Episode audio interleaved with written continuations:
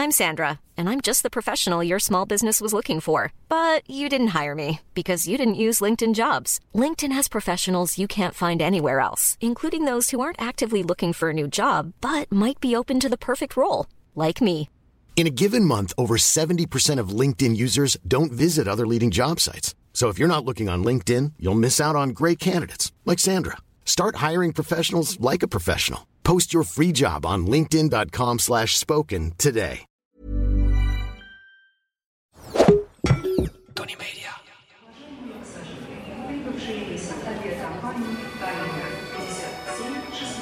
Welkom bij Rusland voor Gevorderden.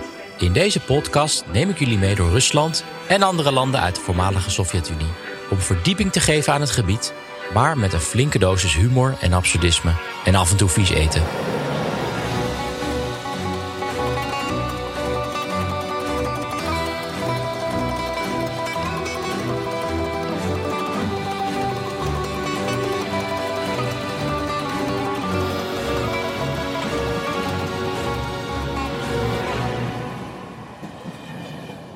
Vandaag duik ik met jullie weer de wildernis in.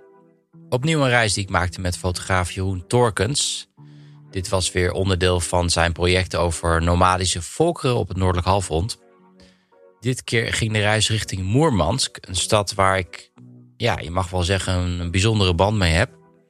Ik ben daar nog een keertje teruggekeerd na deze reis voor een aflevering voor de VPRO over het Russische leger. Bij die opnames ben ik uitgegleden en ik heb toen mijn rug gebroken. Heel stom, ik had gewoon mijn handen in mijn zakken. Ik hoop dat ik had een heel heroïsch verhaal bij heb, maar ja, dat was het gewoon eigenlijk. Ik belandde toen in het ziekenhuis van Moermansk en daar vertel ik al over op dag 41 van uh, voordat de bom valt. Dus dat kan je eventueel nog terugluisteren. Is best een hilarisch verhaal, ondanks die gebroken rug.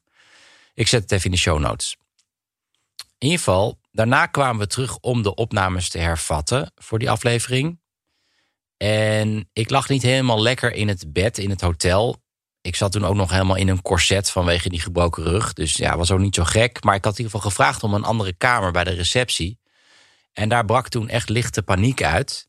In mijn nieuwe kamer kwam ook nog een paar keer een monteur langs. Zogenaamd om lampjes te vervangen.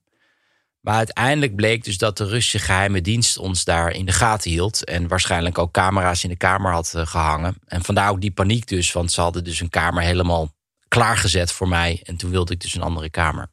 We hadden gefilmd over het Russische leger, onder meer over ontgroening in het Russische leger.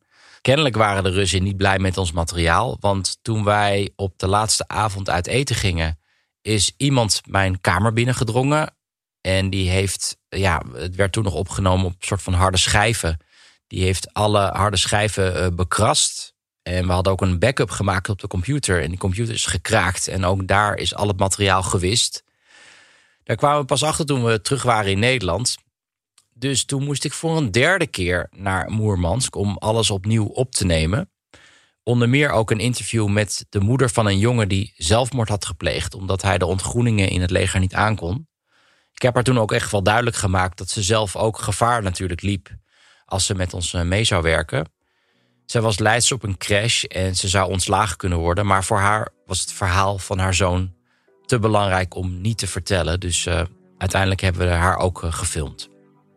Enfin, ik dwaal af. Ik ga het nu hebben over mijn eerste keer in Moermansk. Maar eerst nog even dit. Ik ga in september op reis naar Oezbekistan. Ik ga onder meer een verhaal maken over de katoenindustrie daar. In de Sovjet-tijd was Oezbekistan de hoofdleverancier voor de rest van de Sovjet-Unie. En er wordt daar nog steeds heel veel katoen geproduceerd. En dat gaat dus ten koste van enorme hoeveelheden water. Even om je een idee te geven, voor 1 kilo katoen is 8000 liter water nodig. En verder is katoen verantwoordelijk voor maar liefst 11% van alle pesticiden en 25% van alle insecticiden ter wereld. Dus ja, het is niet echt goed voor de aarde. Een alternatief voor katoen biedt onze sponsor vandaag. Uh, en dat is Bamigo. Uh, zij maken kleding die hoofdzakelijk is gemaakt van bamboe. Het is een plantensoort die geen kunstmatige bewatering nodig heeft. En het is ook veel efficiënter in het grondgebruik. Je kan tien keer zoveel bamboe produceren op één vierkante meter dan katoen. De kleding van Bamigo is gemaakt van een zelfontwikkelde bamboetextiel. Ze maken onder andere onderbroeken, sokken en ondershirts, maar ook broeken en polo's. En bamboe heeft als unieke eigenschap dat het comfortabel, duurzaam en ademend is. En ik vind het zelf fijn om iets te dragen wat het milieu minimaal belast. Los van dat het gewoon lekker zit. Exclusief voor de luisteraars van deze podcast is er een kortingsactie. Je krijgt 25% korting op je eerste bestelling op bamigo.com. Als je de kortingscode Jelle25 invoert bij je bestelling. Het doel was een rendierbrigade op het Kola Schiereiland. Dat, is, uh, ja, dat zit eigenlijk vast aan Moermansk. En in dit geval was het een rendierbrigade van de Sami. De Sami staan in Nederland ook wel bekend als de Lappen. Die zitten in heel uh, ja, het noorden van Scandinavië, maar dus ook in Rusland. Tot de Tweede Wereldoorlog was dit gebied ook in handen van Finland. Maar na de Winteroorlog hebben de Finnen dit gebied op moeten geven. Inclusief dus een deel van hun eh, bevolking, zoals deze Sami. En Anna, een van de Sami, die uh, ontmoeten wij in Moermansk en die zou ons naar die brigade toeleiden. Een tocht die twee dagen zou duren. Na de thee reden we verder naar Lovozero. Anna had daar een fletje waar wij ons om konden kleden. Wat niet makkelijk was, want de elektriciteit viel voortdurend uit en buiten werd het al donker. Het fletje was eerst van haar broer, maar die was nu dood, vertelde Anna. Hij is vermoord. Ik had geen idee wat de etiketten in zo'n geval voorschrijft. Kun je vragen waarom iemand vermoord is? Ik hield het maar bij O. Overigens waren al haar zeven broers en zussen dood. Toen haar ouders, rendierhouders, doodgingen, ook al veel te vroeg, kwamen alle broers en zussen bij elkaar en besloten dat tenminste één van hun een fatsoenlijke opleiding zou moeten volgen om geen loodzwaar werk te hoeven doen of zich dood te zuipen. De keus viel op Anna, die de jongste was. De broers en zussen zamelden geld in voor een opleiding. Dat besluit heeft Anna waarschijnlijk gered van het lot van haar broers en zussen. De oudste zus ging de rendieren van de ouders houden en overleed een jaar later aan tuberculose. De gemiddelde leeftijd in deze contraien is rond de 42. Anna is 42. Overigens is het gemiddelde in Rusland niet veel beter. 59 voor mannen en 74 voor vrouwen. Een andere broer van Anna vroor dood in een sneeuwstorm. De laatste levende broer van Anna had het niet zo met mensen en woonde in zijn eentje op de toendra. Als hij iets nodig had, stuurde hij zijn sneeuwhond met een boodschappenbriefje naar het dichtstbijzijnde dorp en kwamen zijn boodschappen brengen. Op een gegeven moment kreeg ze geen briefjes meer. Zijn lichaam is nooit gevonden. Diezelfde toendra trokken we nu zelf in. We vertrokken in de nacht en het laatste deel van de tocht zouden we met de slee afleggen. Dat is eigenlijk de enige manier om daar te komen. En we werden voortgetrokken door een sneeuwscooter. Dus die slee hing een beetje achter die sneeuwscooter. Ik had mijn warmste kleding aangetrokken, maar dat was voor de Sami niet genoeg. Ik kreeg van ze nog een paar laarzen van rendierhuid en een malitsa, een soort van wollen mantel. Afgezien dat het al donker was en ik nog niet had gegeten en niet kon bewegen en niet erg comfortabel zat, ging alles goed. Dat veranderde toen we grote stukken over bevroren meren reden waar water op lag. Het schijnt dat ijs door haar eigen gewicht in het water zakt, waardoor er water uit het meer overheen stroomt. Dat water spoot op door de hoge snelheid van de sneeuwmobiel en kwam als een golf op de slee. Dat wil zeggen op ons terecht. Het water bevoor direct, wat de mobiliteit op de slee er niet groter op maakte. In Moermansk hadden wij een doosje eieren gekocht. Het leek ons wel leuk om daar een omelet te bakken. Eerdere pogingen om een kippenei naar de toendra te brengen waren mislukt vanwege bevriezing of breking. Gelukkig had een van de scooterjongens een koelbox meegenomen om de eitjes warm en veilig te houden. Een warmbox dus eigenlijk. Tijdens de laatste etappe was het een kwestie van de muts helemaal over mijn hoofd trekken en doen alsof deze rit leuk was en denken dat je hier later vast mooie herinneringen aan hebt. Er reed een boeran voorbij, bestuurd door een Sami die opgewonden iets riep. Een boeran is de Sovjet-sneeuwscooter, waar Anton, de nutteloze Hugo Bos-gids, mij al eerder over had verteld bij de Nenets. Wat de Sami precies zei was niet duidelijk, mede vanwege eerder genoemde muts over mijn gezicht. Godzijdank zou ik pas de volgende dag horen wat hij precies zei. En dat het een wonder was dat wij nog leefden. Ja, wij kwamen toen midden in de nacht aan bij de renderbrigade. Eerst moesten we los van elkaar worden gewrikt, want we waren eigenlijk één grote ijsklomp. En daarna moest dat ijs van onze jassen worden geklopt. En om dat los te maken, ja, hadden ze eigenlijk alleen maar een pollepel. Binnen werden we verwarmd door de thee en de wodka. En toen hoorden we ook wat er op het meer was gebeurd. Want een van de sneeuwscooters was daar door het ijs gezakt. Kennelijk was het ijs niet overal even dik. Gelukkig hadden die passagiers het overleefd. Zij hadden dus nog geprobeerd ons te waarschuwen, maar toen waren wij al langs dat stuk met het dun ijs. Maar die sneeuwscooter lag op de bodem van het meer. En ja, in Nederland zou je dan de verzekering bellen waarschijnlijk. En dat is dan dat. Of de wegenwacht trouwens, dat kan natuurlijk ook. Maar niet de Sami. Ook omdat ze waarschijnlijk helemaal geen verzekering hebben of wegenwacht. Wat hebben ze nou gedaan? Ze gingen rond dat wak zitten met een touw met een gewicht en een haakje. En dat touw liet ze dan in dat wak zakken. En ja, die sneeuwscooters die lag op de bodem van het meer. Dat is 10 meter diep. Maar ze hoopten dan met het touw en het haakje het stuur te kunnen vangen. En ze hebben dus twee dagen lang zitten vissen naar die sneeuwscooter. En op dag twee hadden ze eindelijk beet. En wat ik het mooist vond, want ik ging daar dus wel eens kijken, want ze zaten daar dus twee dagen lang, is dat ze daar zo rustig zaten. Alsof het gewoon ja, een soort van weer een dag op kantoor was. En ook helemaal niet twijfelden aan het lukken van hun missie. En je moet je ook voorstellen hoe belangrijk dit ook voor ze was. Want dit was de enige boeran van de rendierbrigade. Dit was eigenlijk hun enige levenslijn met de beschaving in de winter. Nou, toen ze eenmaal die uh, sneeuwscooter boven hadden gehaald, bevoor dat ding natuurlijk gelijk. Het was min 20. Maar geen nood, ze zetten een tent om die boeran heen. En ze stookten een vuurtje en daarmee droogden ze de motor. En aan het eind van de middag reed hij weer.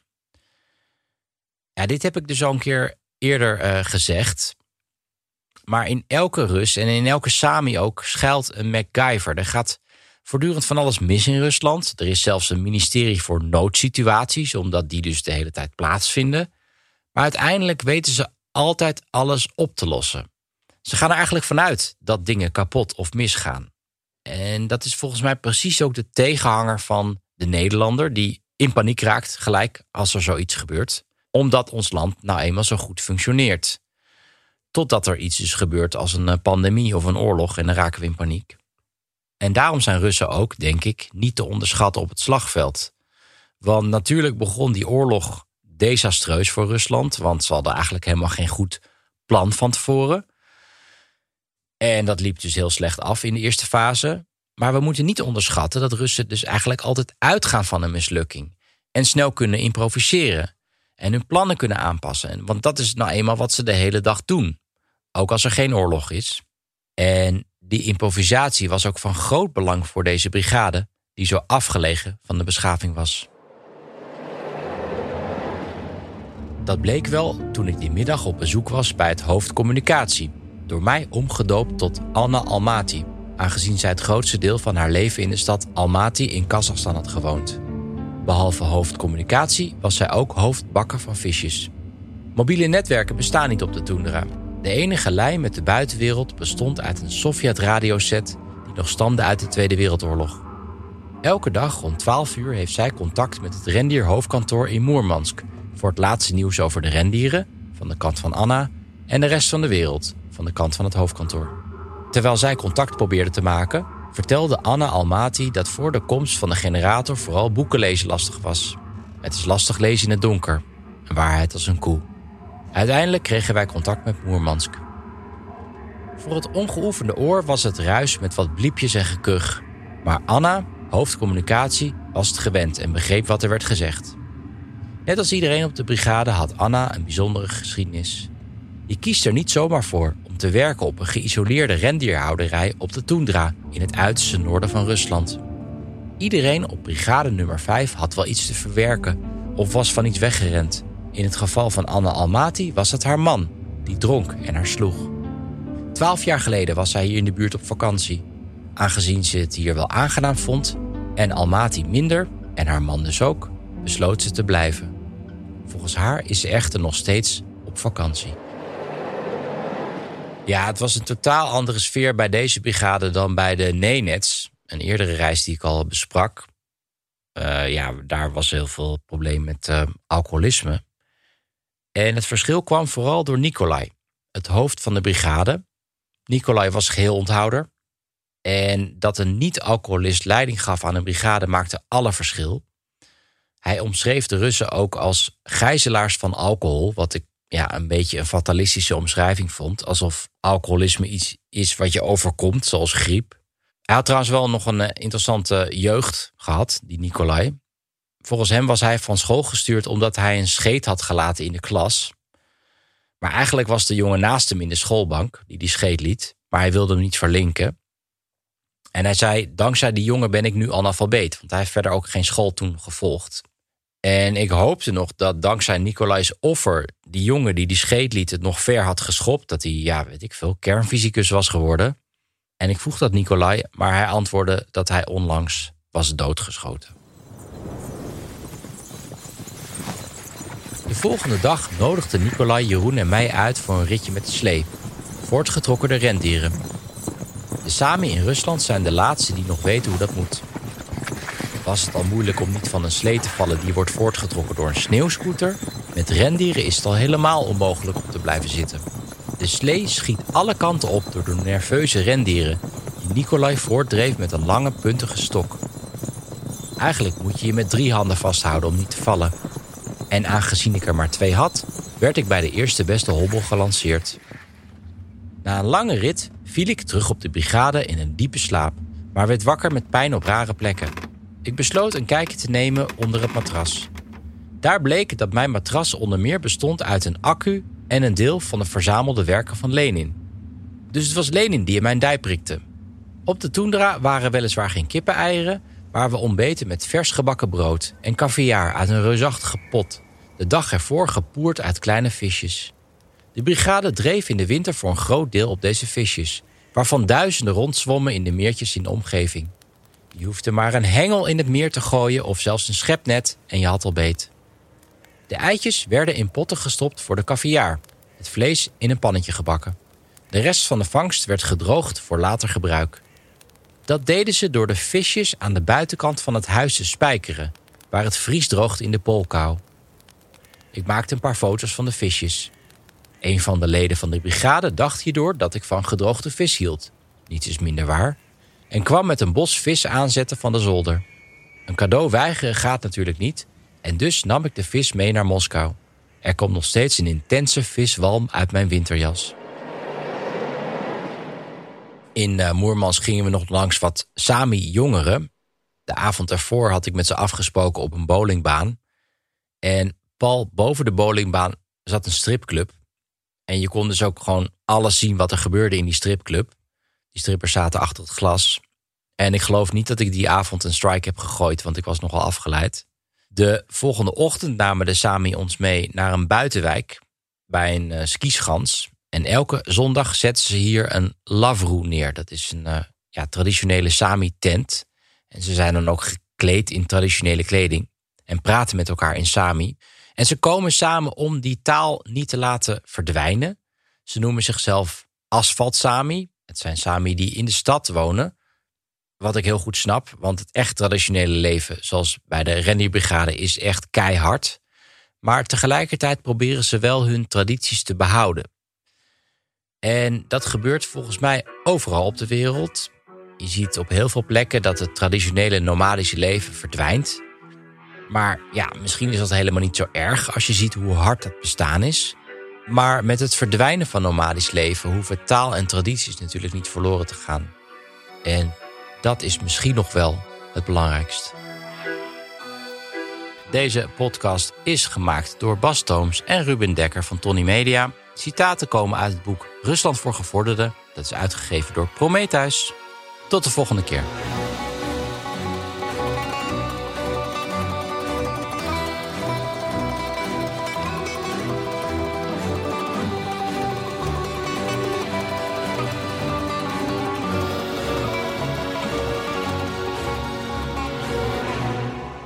Dit was een productie van Tony Media en Dagblad Trouw. Voor meer verdieping ga naar trouw.nl. Hello, this is Danny Pellegrino, host of the Everything Iconic podcast, and I'm here to tell you all about Splash Refresher because hydration is mandatory, but boring is not. Now, I love my water, but if I don't spice it up, I'm not going to finish what I took out of the fridge. That's why I love my Splash Refresher, which is flavorful, delicious, bright, hydrating, and zero calories. The wild berry flavor is my fave. No, wait, is the pineapple mango flavor my fave? You know what? All five craveable Splash Refresher flavors are my fave because they're so delicious. So get hydrated and enjoy it with Splash Refresher.